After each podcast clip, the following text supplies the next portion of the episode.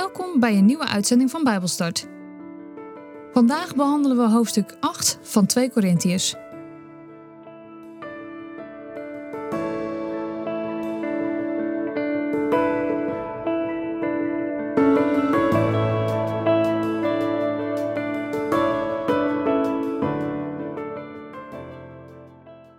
Ik lees uit de basisbijbel 2 Korintiërs 8.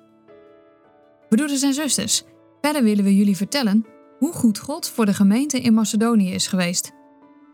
De gemeenten daar worden erg vervolgd. Toch zijn ze heel erg blij. Daardoor hebben ze heel veel gegeven, ook al zijn ze erg arm.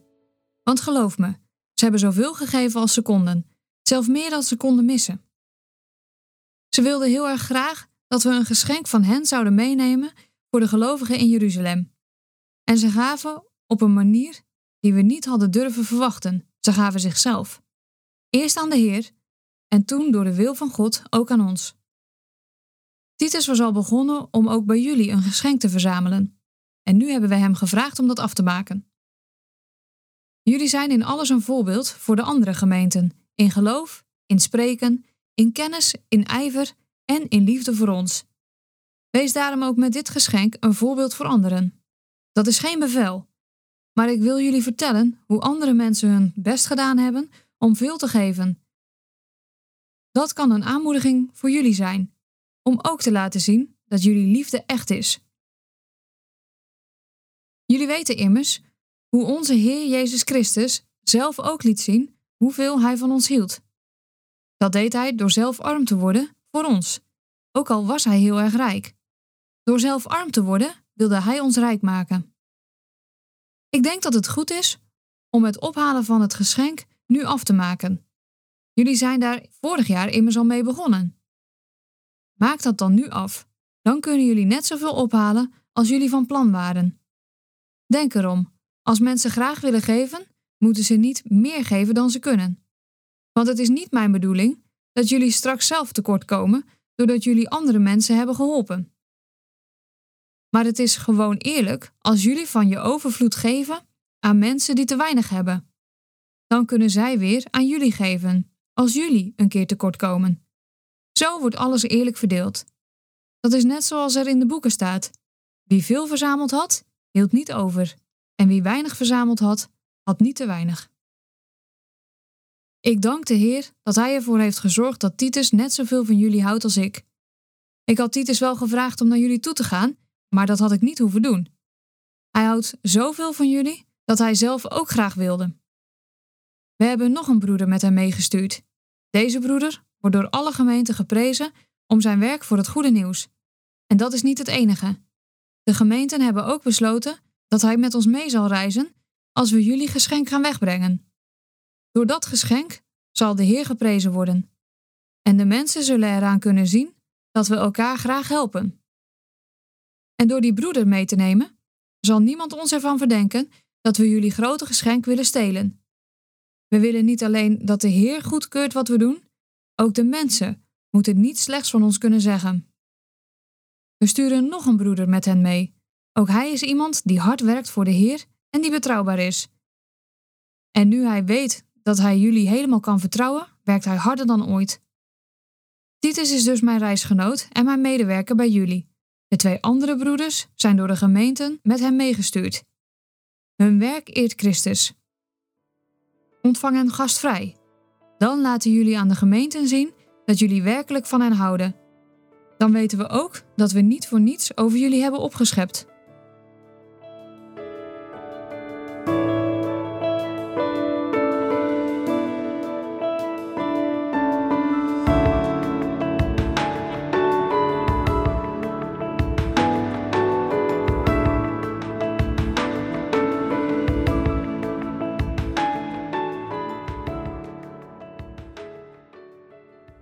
Vandaag over een geschenk gelezen. Een geschenk voor medegelovigen staat er boven hoofdstuk 8. En die medegelovigen zijn de gelovigen van Jeruzalem. De gemeente in Jeruzalem was erg arm. En daarom zamelde Paulus tijdens zijn derde zendingsreis geld in voor de gelovigen daar. Paulus schrijft deze brief vanuit Macedonië en hoopt dat het nieuws over de vrijgevigheid van de gemeente in Macedonië de Corinthiërs aanmoedigt om ook vrijmoedig te geven. En om ze te laten zoeken naar een oplossing voor hun probleem. En ook naar eenheid in de gemeente. De gemeenten in Macedonië zijn de gemeenten van Filippi, Thessalonica en Berea. Hoewel zij zelf ook arm zijn, hebben ze allemaal veel geld gegeven. Het was zelfs meer dan Paulus had verwacht. Zo wilden zij hun medegelovigen in Jeruzalem helpen en ze waren bereid om daarvoor een offer te brengen. En dan dus niet zozeer een offer dat we kennen uit het Oude Testament, maar ze offerden hun eigen geld op. Ik wilde eerst zeggen, ze offerden hun eigen welvaart op, maar van welvaart was helemaal geen sprake, want ze waren zelf ook heel arm.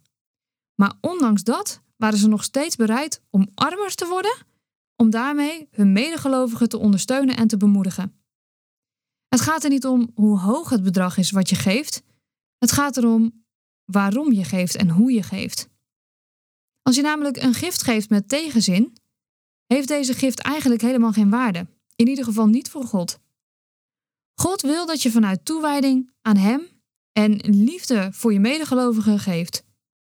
En het is prachtig om te lezen dat verschillende gemeenten samenwerken om andere mensen buiten hun eigen kennissenkring, hun eigen stad, te helpen. En ik denk dat dat ook de manier is hoe wij ervoor kunnen zorgen dat Gods koninkrijk groter en groter wordt, door anderen te helpen. Door als gelovigen samen de handen ineen te slaan en iets te bereiken voor de naaste. De meeste christelijke gemeenten hebben diaconale doeleinden. De ene gemeente heeft een zustergemeenschap in het buitenland, de andere ondersteunt een zendeling, nou noem maar op. Maar het gaat niet alleen maar om financiële bijdragers. Soms kun je gewoon iets doen. Dan kan je bijvoorbeeld samen met je eigen gemeente uh, een zendingsmissie naar het buitenland doen. Of met een organisatie in de buurt, bijvoorbeeld present, op verschillende manieren mensen helpen die het minder breed hebben. En hen helpen met problemen met klusjes in en rondom huis. Naast dat het koninkrijk van God groter wordt door de dingen die je doet en het geld wat je geeft, draag je er ook aan bij dat er meer eenheid is. Nu zegt Paulus duidelijk dat het geen bevel is dat de Corinthiërs dan dus ook veel geld moesten geven. Soms lezen we dit en denken we: dus als je veel geld geeft, dan bewijs je dat de liefde voor een ander echt is. Dat klinkt niet echt als een onvoorwaardelijke liefde. Maar geven is een natuurlijke reactie op liefde. Als je iemand ontzettend lief vindt, dan is het veel makkelijker om een cadeau te geven. En als je veel van iemand houdt, dan ben je ook bereid om daar veel tijd en energie in te stoppen. Echte liefde mag je vaak wel wat kosten. En Paulus bedoelde het dus helemaal niet manipulatief, maar hij probeert de Corinthiërs aan te moedigen om hun liefde voor de gelovigen in Jeruzalem uit te drukken in een geschenk. Van de gemeente in Korinthe is bekend dat daar geld was. Ze waren absoluut niet arm. Dat kwam doordat de stad een bruisende handelsstad was. Die handelsstad bracht ook een hoop verleidingen met zich mee, maar zorgde wel voor welvaart. En Paulus daagt nu de gemeente in Korinthe uit om met de christenen in Jeruzalem te delen. Net zoals dat die gemeentes in Macedonië hadden gedaan. En daarbij benoemt Paulus vier belangrijke principes over geven. Allereerst moet je bereid zijn met blijdschap te geven. Dat is belangrijker dan het bedrag wat je geeft. Je moet er ook voor zorgen dat je zelf je financiële verplichtingen nakomt. Dus heb je iets beloofd aan iemand te geven, dan moet je dat nakomen. Het bijzondere van in geloof een ander geven is dat als jij geeft aan mensen in nood, zij jou op den duur zullen helpen als jij in nood zit. En dat wat jij geeft moet een weerspiegeling zijn van jouw toewijding aan God. Maar hoe beslis je dan hoeveel je moet geven? Ik denk dat het belangrijkste is dat iedereen moet geven in de mate waarin God heeft gegeven. God heeft ons geld en goed gegeven, zodat wij dat ook weer aan een ander kunnen geven. Als jij dus zorgt dat je geeft, niet uit eigen belang, maar omdat je weet dat Jezus alles voor jou gegeven heeft. En ik zei net al, de manier waarop je geeft is veel belangrijker dan welk bedrag je geeft. Schaam je dus niet als je maar een kleine gift kunt geven. Want het gaat er niet om hoe groot je gift is. Het gaat erom hoe je geeft. En dan komen we eigenlijk uit in Marcus 12. Daar lezen we namelijk over de weduwe in de tempel. In vers 41 tot en met 44 kan je lezen dat een weduwe geld in een collectekist stopt. In de tempel stonden verschillende collectekisten. Sommige waren voor de tempelbelasting, die moesten de Joodse mannen betalen. Andere collectekisten waren voor een vrijwillige bijdrage. Jezus gaat tegenover een van die collectekisten zitten in de tempel en hij ziet hoe de mensen er geld in gooien. Veel rijke mensen gooien er veel geld in. Er kwam ook een arme weduwe. Zij gooide er twee koperen muntjes in, samen één duit. Hij riep zijn leerlingen bij elkaar en zei: Luister goed, ik zeg jullie dat deze arme vrouw het meeste in de geldkist heeft gegeven van allemaal. Want al die andere mensen hebben iets van hun rijkdom erin gegooid. Maar zij heeft vanuit haar armoede er iets in gegooid. Zij heeft er alles in gegooid wat ze nodig had om zelf van te leven. In de ogen van Jezus gaf deze weduwe meer dan al die andere mensen samen, terwijl haar financiële bijdrage het kleinste was. Maar de waarde van haar gift werd niet bepaald door de hoogte van het bedrag. De waarde van haar gift werd bepaald door de innerlijke houding waarmee gegeven werd. Dus als je geeft, wees dan blij dat je iets kunt geven. God vraagt om wat we hebben. Hij vraagt niet om wat we niet hebben. Financiële offers moeten wel verantwoord zijn. Het is echt niet erg als je geld wil geven, maar het moet niet zo zijn dat je zelf tekort komt in je eigen eerste levensbehoeften. Je hebt ook een verantwoording te dragen naar je eigen leven, of je gezin of je familie, die van jou afhankelijk is. Misschien is er op dit moment helemaal geen financiële mogelijkheid om iets te geven, omdat je daarmee jezelf of jouw gezin in de problemen brengt. Dan geef je niet. Want God weet wat je wel had willen geven. En weet dat een geschenk aan een medegelovige niet alleen bestaat uit een financiële bijdrage. Een oprecht gebed is gratis. Het kost je niets, maar de zegen die jij uitspreekt over de ander is misschien wel het meest waardevolle wat jij kunt geven. Paulus kiest er trouwens ook voor om de gift door meer dan één persoon te laten brengen. Niet omdat hij die ene persoon niet vertrouwt, maar omdat hij wil voorkomen dat de andere mensen wantrouwig zijn over de manier waarop er met dat vele geld werd omgegaan. Ondanks dat Paulus eigenlijk nooit gebruik maakt van aanbestedingsbrieven, doet hij dat deze keer nadrukkelijk wel.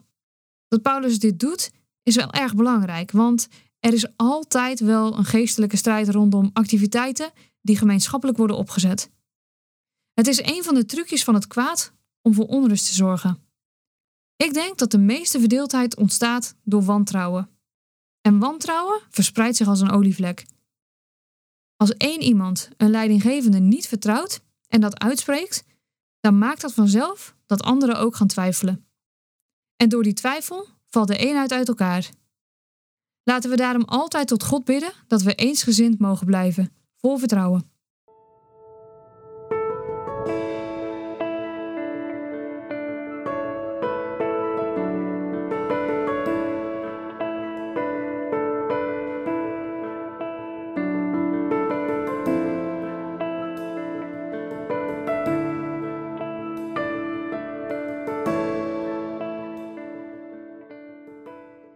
Dit was Bijbelstart, een programma van TWR.